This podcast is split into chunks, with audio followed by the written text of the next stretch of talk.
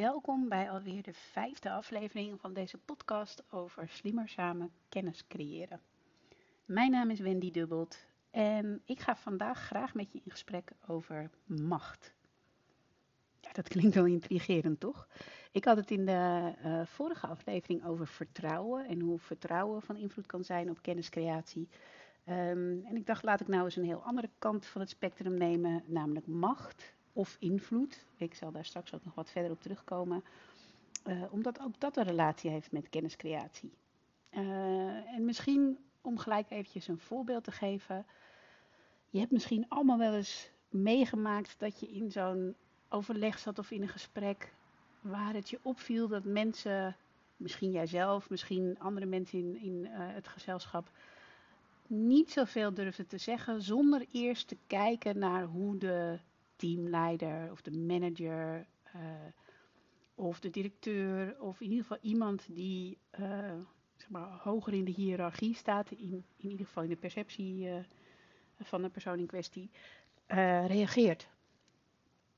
Um, of zo'n gesprek waarin je ziet dat als de manager of de teamleider iets zegt, dat in ene een heel groot deel van de mensen daar spontaan mee eens is. Dat er weinig afwijkende meningen of vragen naar voren komen.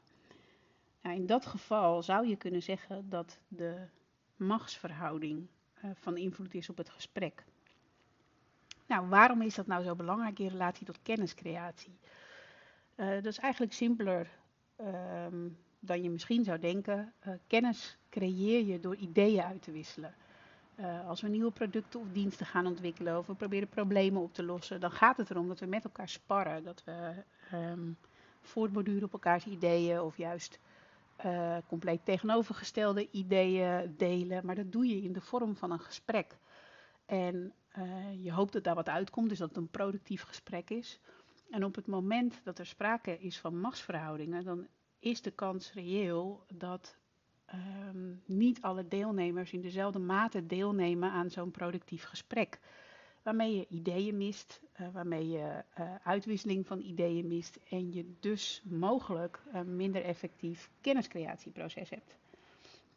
Um, dus vanuit die optiek zou je kunnen zeggen, beïnvloedt macht um, het proces om te komen tot kenniscreatie. Um, nou, het interessante is dat zoiets niet per se heel bewust gebeurt.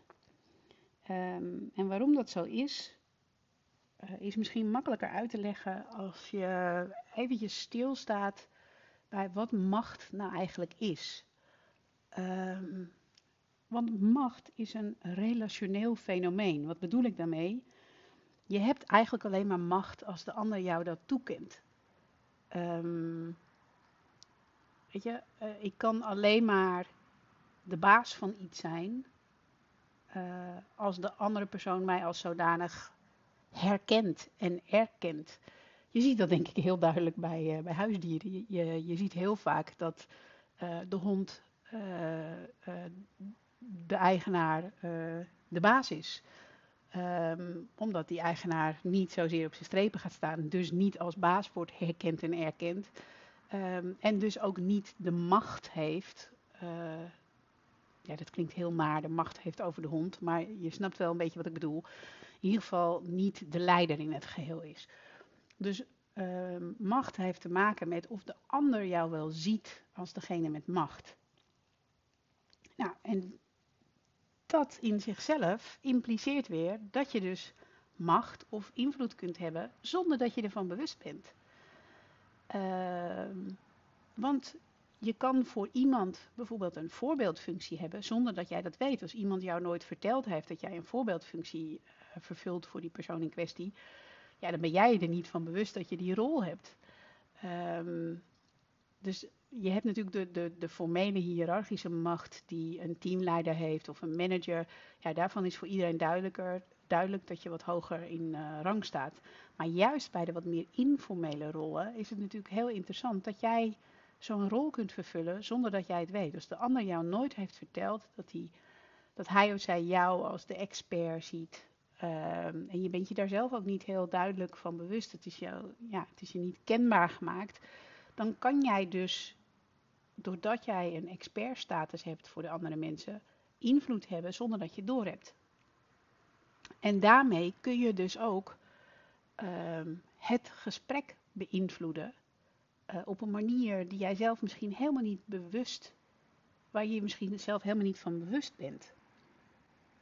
En dat vind ik eigenlijk wel een heel interessant gegeven. Um, nou, dus als je nu kijkt naar macht, of eigenlijk is invloed misschien een beter begrip. Macht heeft heel snel een negatieve connotatie, uh, in ieder geval in, in, in onze Nederlandse samenleving. Um, maar laten we dan refereren aan invloed. Um, Heidsman en Olsen hebben er bijvoorbeeld over geschreven. Er zijn uiteraard veel meer mensen.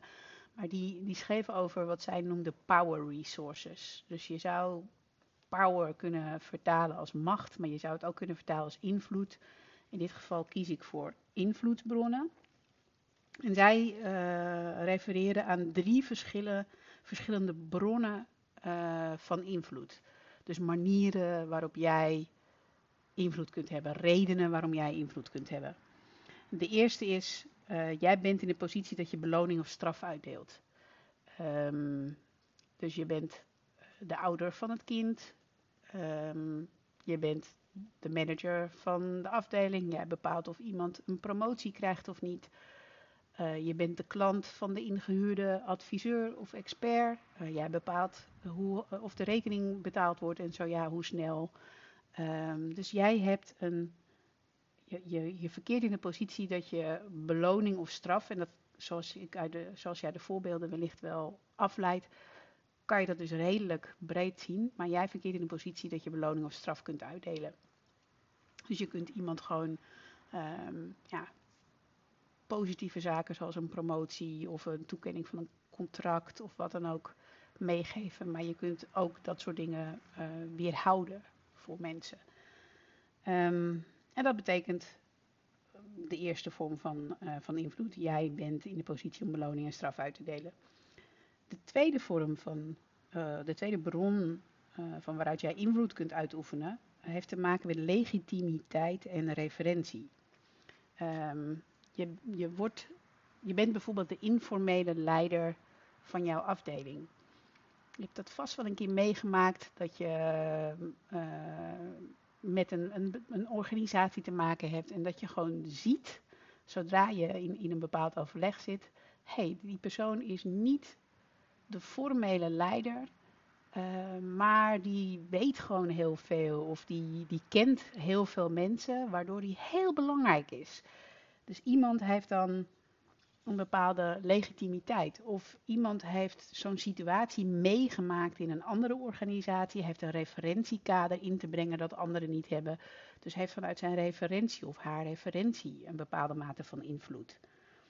Um, en je kan daar ook, als je daar, uh, als je dat vertaalt naar de hedendaagse, of naar de, naar de ja, hedendaagse, wauw, dat is ook best ouderwets, een beetje archaïsch taalgebruik. Uh, maar als je het vertaalt gewoon naar media bijvoorbeeld, kan je zeggen van ja, BN'ers, bekende Nederlanders of uh, influencers op social media, uh, hebben een vorm van invloed die gebaseerd is op legitimiteit en referentie. Want ze zijn niet jouw baas, ze, hebben niet ze verkeren niet in positie dat ze beloning of straf kunnen uitdelen.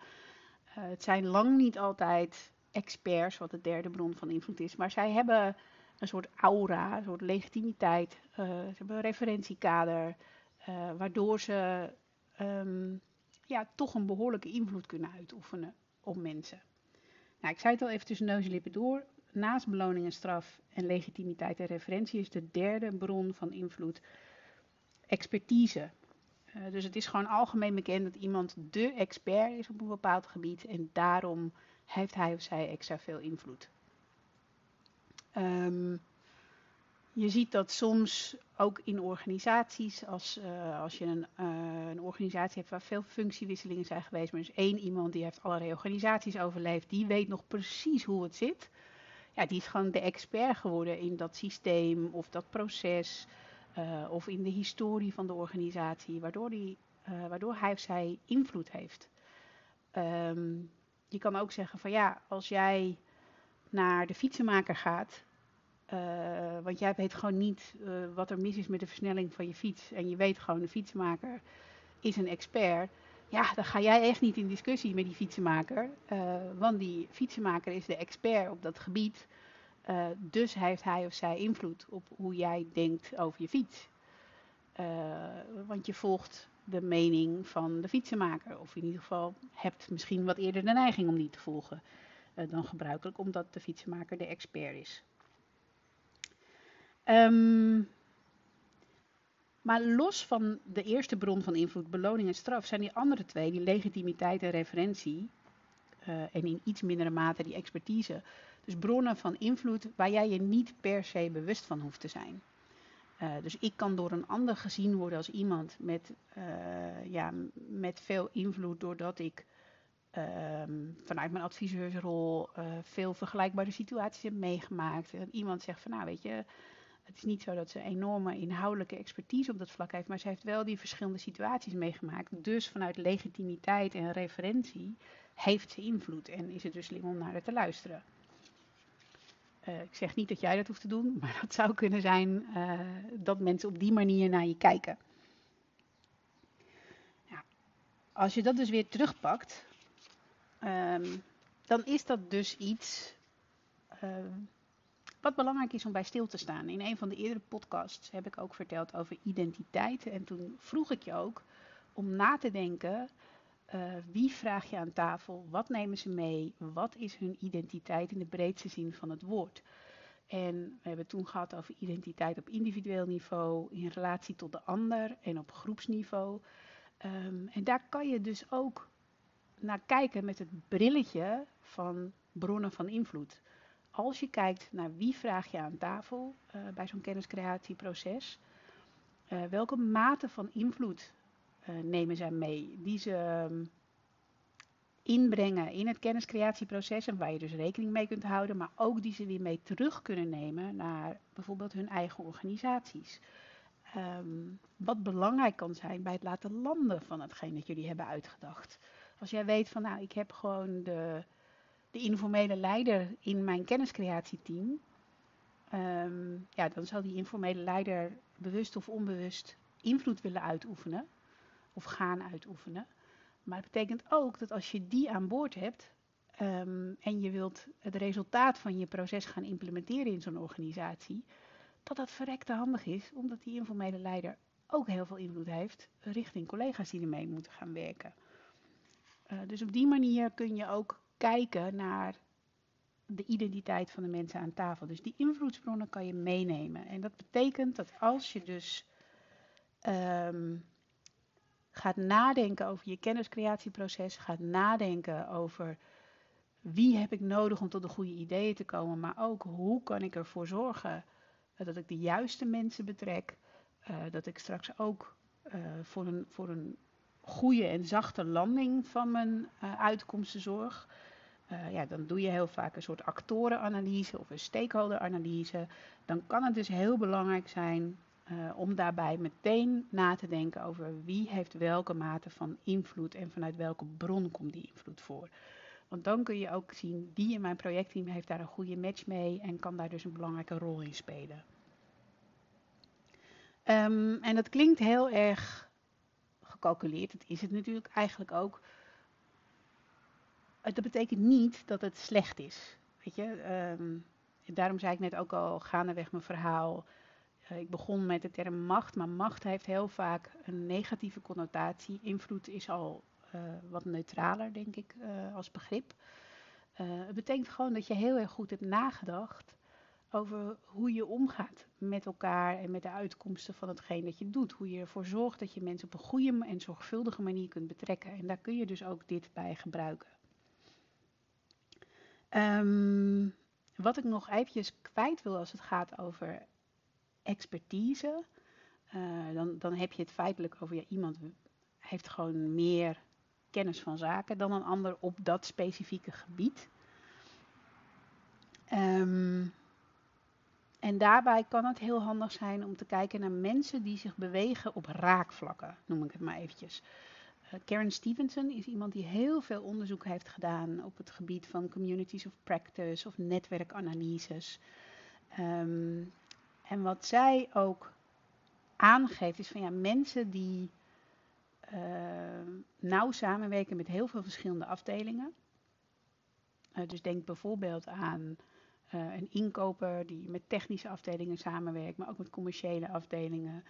Um, ja, dat zijn vaak interessante voorbeelden van kennisdragers en van mensen die invloed hebben vanuit een veelheid aan expertises.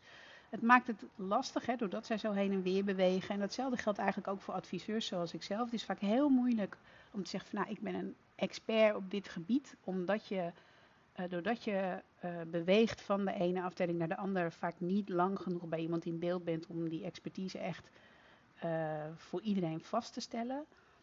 Um, maar doordat je op zoveel vlakken beweegt, heb je heel veel van die referentie kennis in huis. Heb je vaak dus op die manier ook invloed.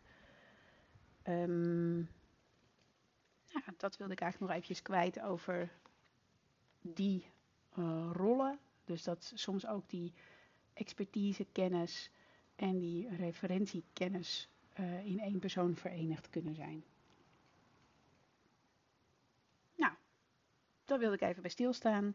Uh, dus net als vertrouwen heeft invloed ook een, um, een, rol als het gaat om kenniscreatie. Je hebt drie verschillende bronnen van invloed die in ieder geval belangrijk zijn om rekening mee te houden. Dus dat zijn, de eerste is beloning en straf. De tweede is legitimatie en referentie. En de derde is expertise, dus de expertrol. En wat belangrijk is, is als je nou met die bril kijkt naar de samenstelling van je projectteam en naar je actorenanalyse dus de mensen die er straks bijvoorbeeld mee moeten gaan werken met de uitkomsten van je, je kenniscreatietraject. Um, dan kan je dat weer een verrijking van het beeld geven. Ik hoop dat je daar iets aan hebt. Uh, voor nu laat ik het graag hierbij.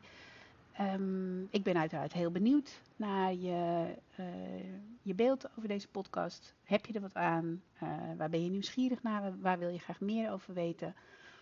als je nu al meer wilt weten en je wilt uh, ook eventjes makkelijk terug kunnen bladeren, dan heb ik een heel handzaam boekje geschreven, Slimmer Samen Kennis Creëren. Het is te verkrijgen via managementboekbol.com en je lokale boekhandel. Wil je ideeën uitwisselen, stuur me dan vooral een berichtje. Kan via LinkedIn, kan ook via Instagram. Uh, daar ben ik Wendy DDA. En verder wens ik je gewoon een hele fijne dag. Nogmaals dank voor het luisteren en hopelijk tot de volgende keer. Dag!